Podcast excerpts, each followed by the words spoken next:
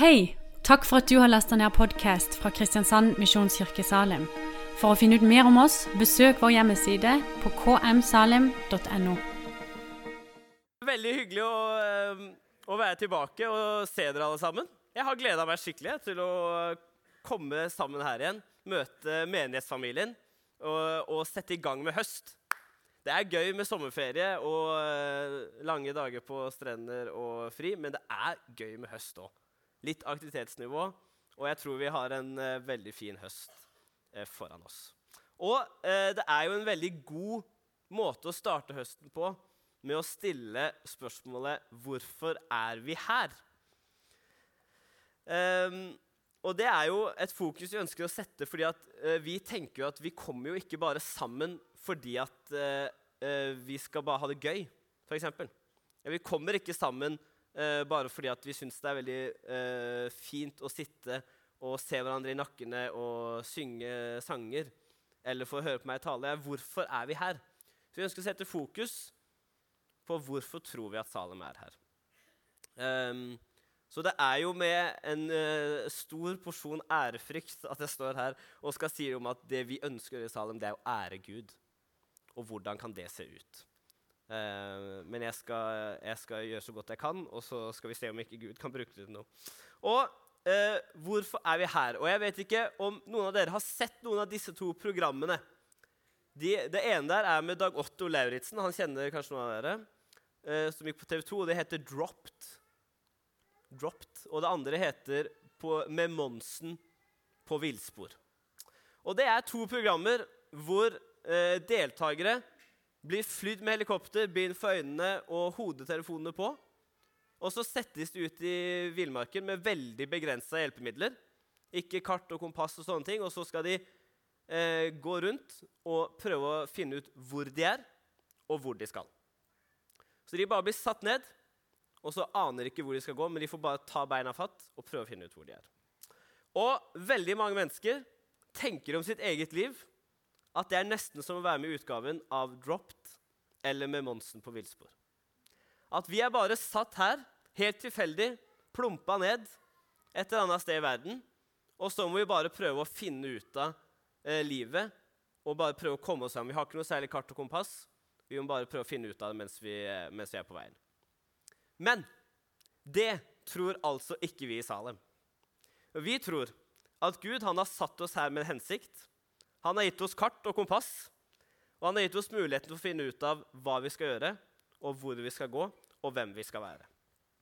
Gud han har satt deg der du er med en hensikt og en mening. Og din livshistorie hører sammen med en mye større historie. Den hører sammen med Guds plan.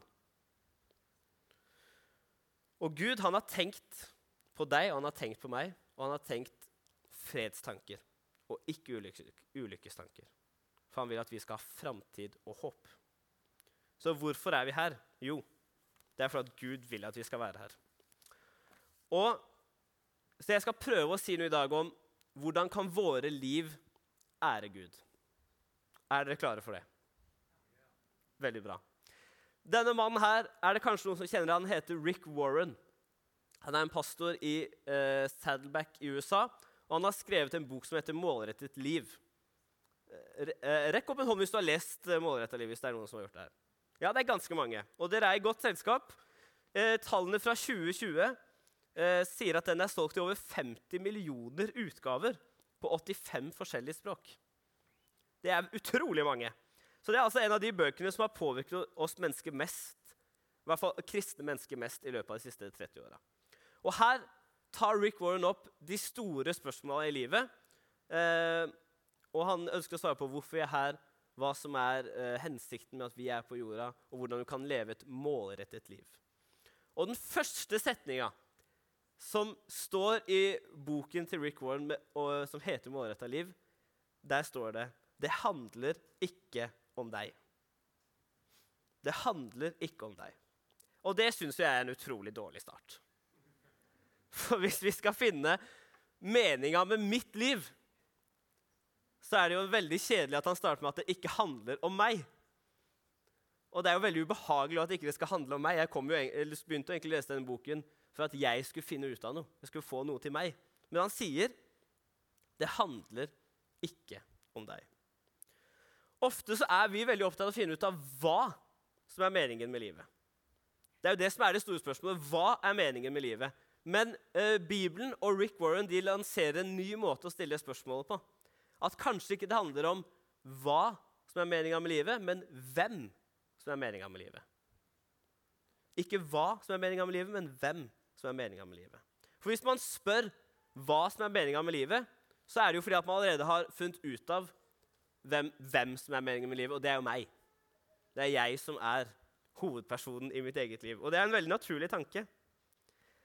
Men når, de, men når det spørsmålet kommer, at det altså ikke handler om hva, men om hvem Hvem er det livet ditt dreier seg om?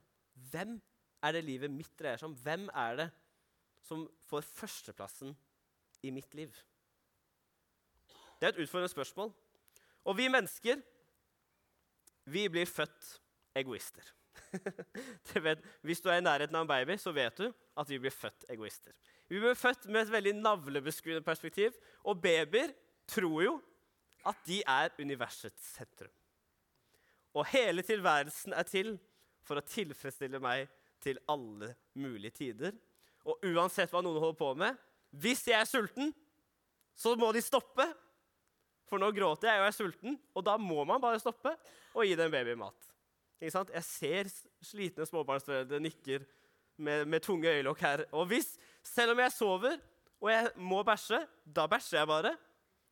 For universet er til for at jeg skal bli tilfredsstilt. Sånn tenker en baby. Og når, når de er små, så er det så de kommer unna med det på sjarm. De er veldig heldige babyer. egentlig. De kommer unna med de mest utrolige ting på at vi syns de er søte. Men når man blir litt eldre, da er det ikke så sjarmerende lenger. Det er ikke så sjarmerende lenger å tenke at jeg er universets sentrum. Og, og, verden er til for å tilfredsstille meg, og det tenker man kanskje ikke. Men det er utrolig hvordan det ligger bak der, fortsatt som en, sånn, en grunntake, en slags refleks, om at jeg kommer jo i menighet for at jeg skal få det bra. For at jeg skal få påfyll, for at jeg skal bli tilfredsstilt. Ikke sant? Det ligger et, sånn, et egoistisk bakteppe hvis man liksom graver bak at vi ønsker å bli tilfredsstilt. Når Bibelen presenterer at det dreier seg ikke om oss For at vi skal finne hensikten med livet, så må vi begynne et annet sted enn oss. En revolusjonerende tanke. Og i Romerne 11,36 Har jeg ikke med det? Nei, det glemte jeg med. Unnskyld. I Romerne 36 så står det For fra ham og ved ham og til ham er alle ting.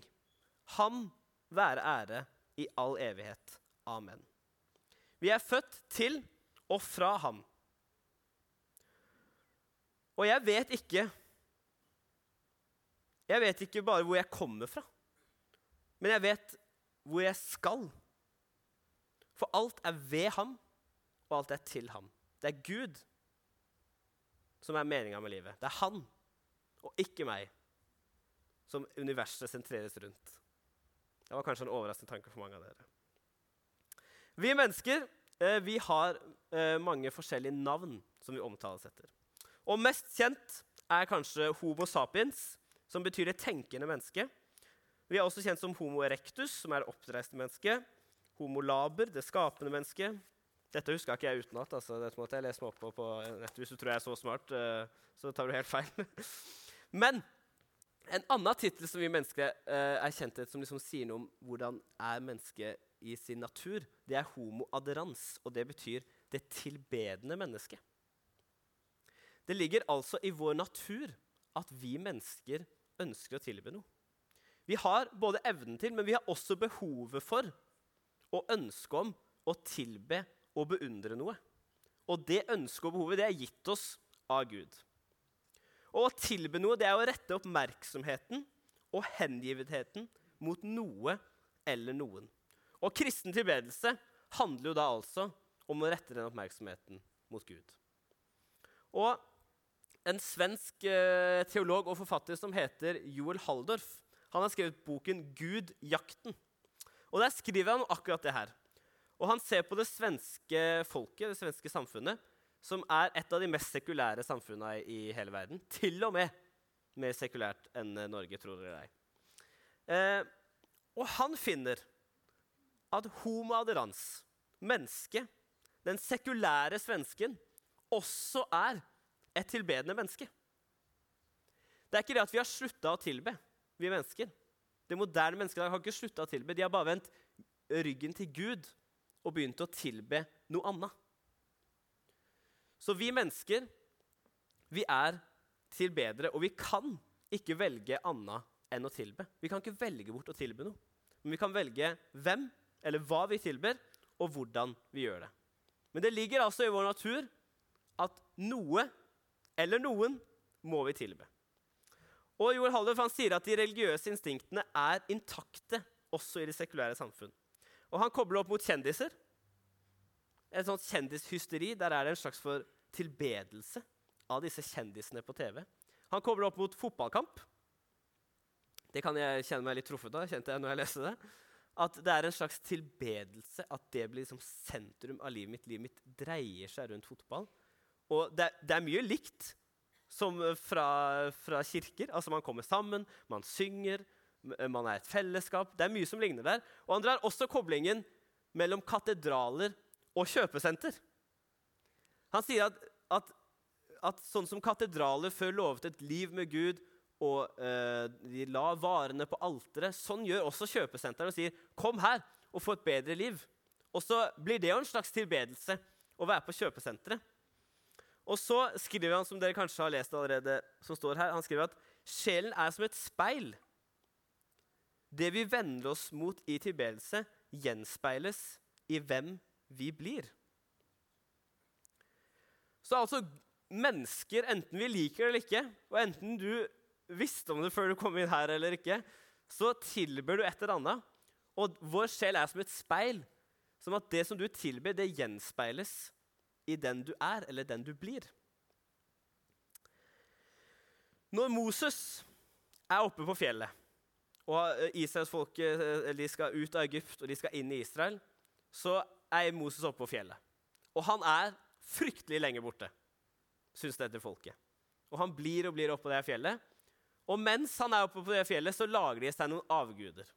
For de syns liksom at de andre folka rundt de hadde litt kulere guder enn den guden som vi har. For de har sånne statuer av gull. Og det er liksom, de det er litt kulere enn han guden som er på fjellet der.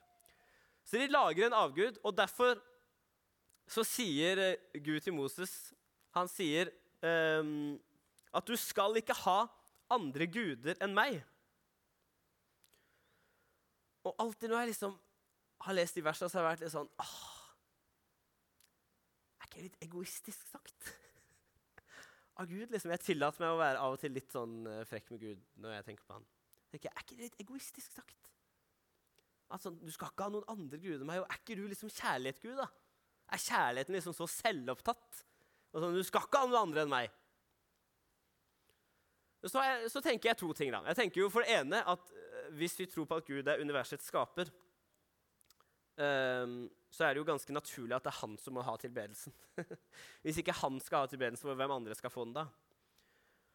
Så det, Når jeg liksom klarer å roe meg ned litt og ikke tenke at Gud er en egoist, så klarer jeg å tenke det. Og så tenker jeg for det andre at kanskje er det også sånn at den Gud som har skapt oss, og som kjenner oss, han vet at det vi tilber, det blir vi også.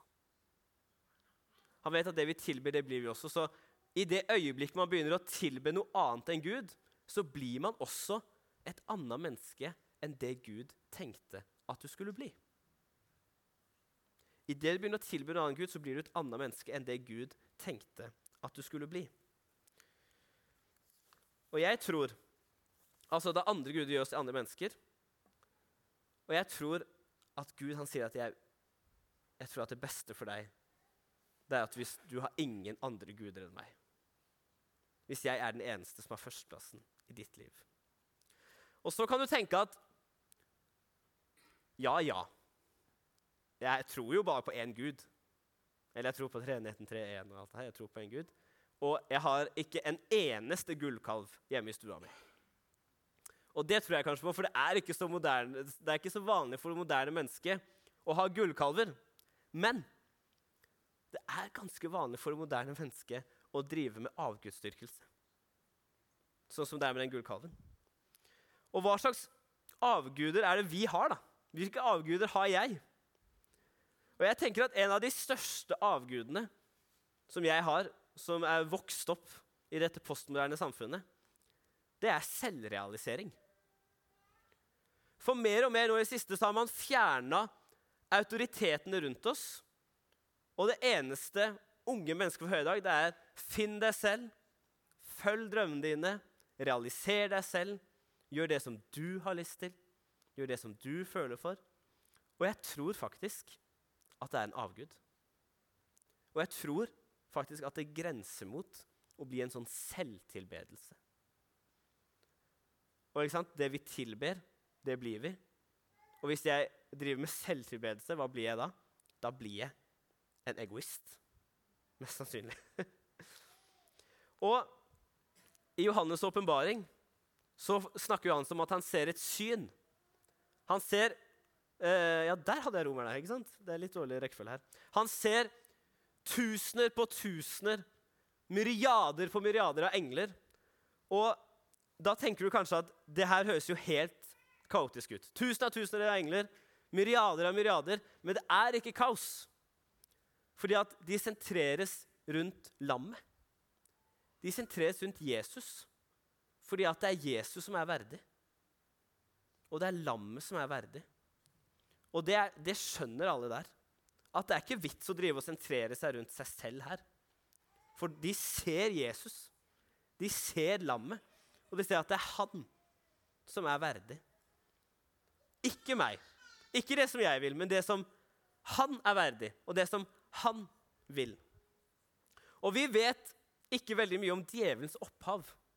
Det sier ikke Bibelen veldig mye om, men, men vi vet at djevelen var en av, vi vet at djevelen var en av de englene som ikke ville ha sitt eget liv skulle dreie seg rundt lammet.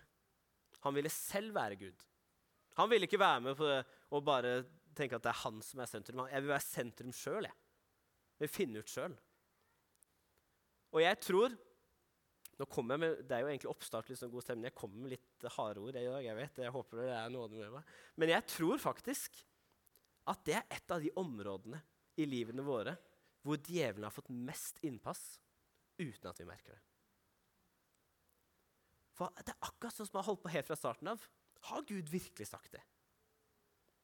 Har Gud virkelig sagt at det er bare han som skal kunne spise av det treet der? Hva med deg, da? Har ikke du òg lyst til det, kanskje? Er det ikke ditt liv? Er det ikke dine gaver? Er det ikke dine talenter? Er det ikke dine penger? Er det ikke dine ønsker? Er det ikke det som du vil med ditt liv? Jeg tror at hvis ikke vi skjerper oss, så får djevelen mer og mer innpass med den tanken at det er jo ikke Gud er jo ikke sentrum i livet, det er jo du som er sentrum i ditt eget liv. Det må det jo være. Det er jo ditt liv. Og samfunnet rundt oss har kjøpt det fullstendig. Og jeg tenker vi må passe oss som menighet og ikke kjøpe det fullstendig, vi òg. Det er ikke jeg som er sentrum i mitt liv. Det er ikke jeg som er sentrum i mitt liv. Det er, det er Jesus. Det er lammet som er verdig, som er førsteplassen i mitt liv. Det er ikke jeg som er sentrum i mitt nylig inngåtte ekteskap. Og det er dessverre heller ikke Birgitte. Beklager å si det. Det er Jesus som er sentrum i ekteskapet. Det er han som er førsteplassen. Det er ikke Salem, Kristiansand misjonskirke Salem eksisterer ikke for at jeg skal ha en plass å gå hvor jeg kan ha det fint og føler at jeg får påfyll. Kristiansand misjonskirke Salem har Jesus på førsteplass og eksisterer for å gi Gud ære. Det er det vi er med på her, enten du vet det eller ikke. Og jeg er ikke i tvil et eneste sekund at det beste for ditt og mitt liv, det er hvis det er sentrert rundt Gud. Jeg tror at Hvis det er sentrert rundt meg, så det blir ikke det beste. Så man tenker at da får jeg det best. Jeg tror at det beste for ditt og mitt liv, det er hvis Jesus er i sentrum, hvis Jesus har førsteplassen, og det er han som er verdig. Nå må jeg drikke litt. Jeg blir litt nervøs når jeg skal se dere i øynene mens jeg sier det her. Denne mannen her heter, eller het, Johan Sebastian Bach. Han har du kanskje hørt om på skolen. Og han skrev på nesten alle sine eh, eh, komp komposisjoner eh, sto det nederst på siden SDG. Johan Sebastian Bach, SDG sto det. Det står for Soli Deo Gloria. Og det betyr all ære til Gud alene. Hæ, tenker folk da. Johan Sebastian Bach har skrevet med sine gaver, med sine talenter, med sin penn i hånda, en vakker sang, og så sier han all ære til Gud alene. Noen kommer og sier til Johan Sebastian Bach 'Å, fantastisk fin sang du har skrevet.' Så sier han 'Soli deo gloria'. All ære til Gud alene. Noen sier at 'Å, jeg blei så truffet av den sangen din'. Han sier 'All ære til Gud alene'. Og så kan du tenke 'Jeg er ingen komponist'. Og det er ikke jeg heller. og så kan du tenke at hvis jeg bare var en kunstner, en maler, så kunne jeg skrevet det opp på slutten. Jeg kunne skrevet SDG. Men du er en slags komponist av ditt eget liv. Og du kan skrive over hele livet kan du skrive SDG. Soli Deo Gloria. All ære til Gud alene. Og vi, vi har sunget den sangen mange. Jeg vil gjøre mitt liv til en lovsang til deg. La hver tone en hyllest til deg være. Og i dager med glede og dager med sorg vil jeg leve hver dag til din ære. Men alt kommer fra ham og blir opprettholdt ved ham. All ære til Gud alene. Og det kan du si ved ditt liv. Så skal si Oi, hvor har du hvor har du fått denne gleden og overskuddet fra? Det regner med mange som sier til dere, for dere er herlige folk. Og hvorfor gjør du dette? Kan du si all ære til Gud alene. I 2. Timoteus 2,21 så skriver Paulus til uh, Timoteus at han skriver den som renser seg og holder seg borte fra slikt, blir et kar til fint bruk, innviet og nyttig for husets herre, gjort i stand til all god gjerning. Og da tenker jeg det vil jeg med mitt liv. Jeg har lyst å være et kar til fint bruk, innviet og nyttig for husets herre, gjort i stand til all god gjerning. Når vi flytter meningen med livet fra oss selv til Gud, når vi tenker at livet vårt, det åndelige livet vårt handler ikke bare om å gå i bibelgruppe og uh, gå i kirka på søndager, men hele livet er til Guds ære, da tror jeg at livet ditt kan bli ordentlig spennende. Da tror jeg det kan bli ordentlig spennende. Og Gud han vil ikke at vi skal leve selvsentrert, men han vil at vi skal leve gudsentrert. Og til ungdommene eh, på camp, som er jo litt enklere enn dere, så kan det bli et litt banalt bilde for noen av dere, så pleier jeg å si at Gud han er eh, Hvis livet ditt er en pizza Se for deg det nå. det er lett for en ungdom, men se for deg du òg. At livet ditt er en pizza, så tenker vi liksom at skole er et, uh, et pizzastykke. Og venner er et pizzastykke, jobb er et pizzastykke, alt sånt der. Og så tenker vi at kirka og Gud sånn, det er pizzastykke. Og det er feil. Og Gud han er ikke et pizzastykke, han er pizzasausen. Det er et banalt bilde for dere, men Gud han er pizzasausen. Det er han som setter smak på resten av disse pizzastykkene i livet ditt. Så han, den pizzasausen, det vet alle som har spist pizza, at pizzasausen den preger jo alle stykkene. Og Gud han har lyst til å prege alle stykkene av ditt liv. Han har ikke lyst til å bare være en sånn liten pizza med pepperoni på som du tar et bit av. Han har lyst til å prege hvordan du er med familien din. Han har lyst til å prege hvordan du er med vennene dine. Han har lyst til å prege hvordan du er på jobb. Han har lyst til å prege hvordan du er eh, i møte med andre mennesker. Han har lyst til å prege hvordan du er når du er i denne menigheten. Gud han har ikke lyst til å bli begrensa det det var ikke, hans plan at skulle bare, han skulle være begrenset i pizzastykket. Han har lyst til å være pizzasaus. Den har du ikke hørt før.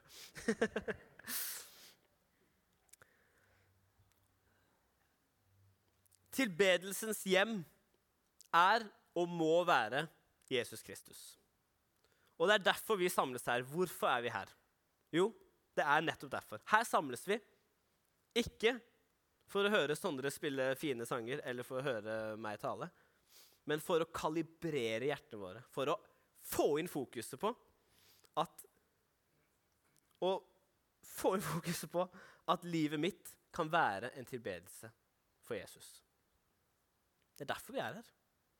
Og vi ønsker at livene våre kan være til ære for Gud. Og det, det trenger vi hverandre for å oppmuntre hverandre til. Det trenger vi å komme sammen hver eneste søndag. Og vi trenger å komme sammen med gode venner i smågrupper eller andre venner du ellers, og minne oss på at det er faktisk det det handler om. Nettopp fordi at vi er født egoister som babyer, så må vi hele tida minne oss på at ja, stemmer det? Det er jo Gud det handler om. Stemmer. Er jo, jeg vil jo ikke at livet mitt bare skal være for mitt eget beste. Jeg vil at det skal være for Guds beste. Og når det er for Guds beste, så blir det også for andres beste. Det tror jeg. Så Derfor trenger vi å komme sammen, og derfor er vi her.